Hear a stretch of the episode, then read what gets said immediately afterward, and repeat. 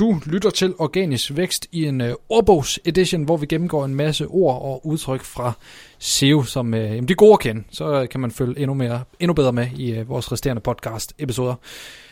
Det ord, som uh, vi skal gennemgå i dag, eller udtryk, det er QDD, som er en forkortelse for Query deserves diversity. Mit navn er Simon Elkær, og jeg er også med.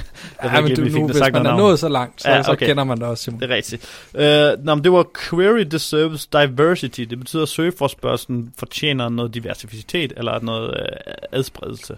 Og vi har lidt snakket om at komme på nogle eksempler, og igen, det var, vi nævnte det i tidligere afsnit, at hvis du leder efter en bank, eller leder efter et få bank, mm. det kan være noget forskel, men det kan også godt være noget med, hvor det er måske noget meget holdningspræget, øh, men, og, øh, jeg ved sgu ikke lige helt hvordan, men at hvor Google mener, at lige præcis de her forespørgseler, der, der kan vi ikke rangere alle, der mener det samme, og der fortjener det noget. Jeg ved ikke, om der kan er noget politisk... Kan det betale sig at bygge PBN-links, måske? Ja, ja, men på den, jeg tror ikke på den her, den er simpelthen ikke, Nej.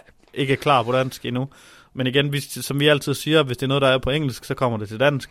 Men jeg tror måske, der er noget politisk i det. At hvis du har noget, hvad mm. er det ret, ret at gøre med et eller andet, og så kan der måske komme noget, at den her query deserves noget diversity, noget, altså nogle forskellige okay. svar. Det er i hvert fald, det kan godt være en af de ting. Det kan også godt være øh, ord, der betyder det samme, som du havde et flot udtryk for, jeg ikke kan. øhm, ej, det er ret let. Homonym. Ja. Øh, yes. Så det var Curry Deserves Diversity.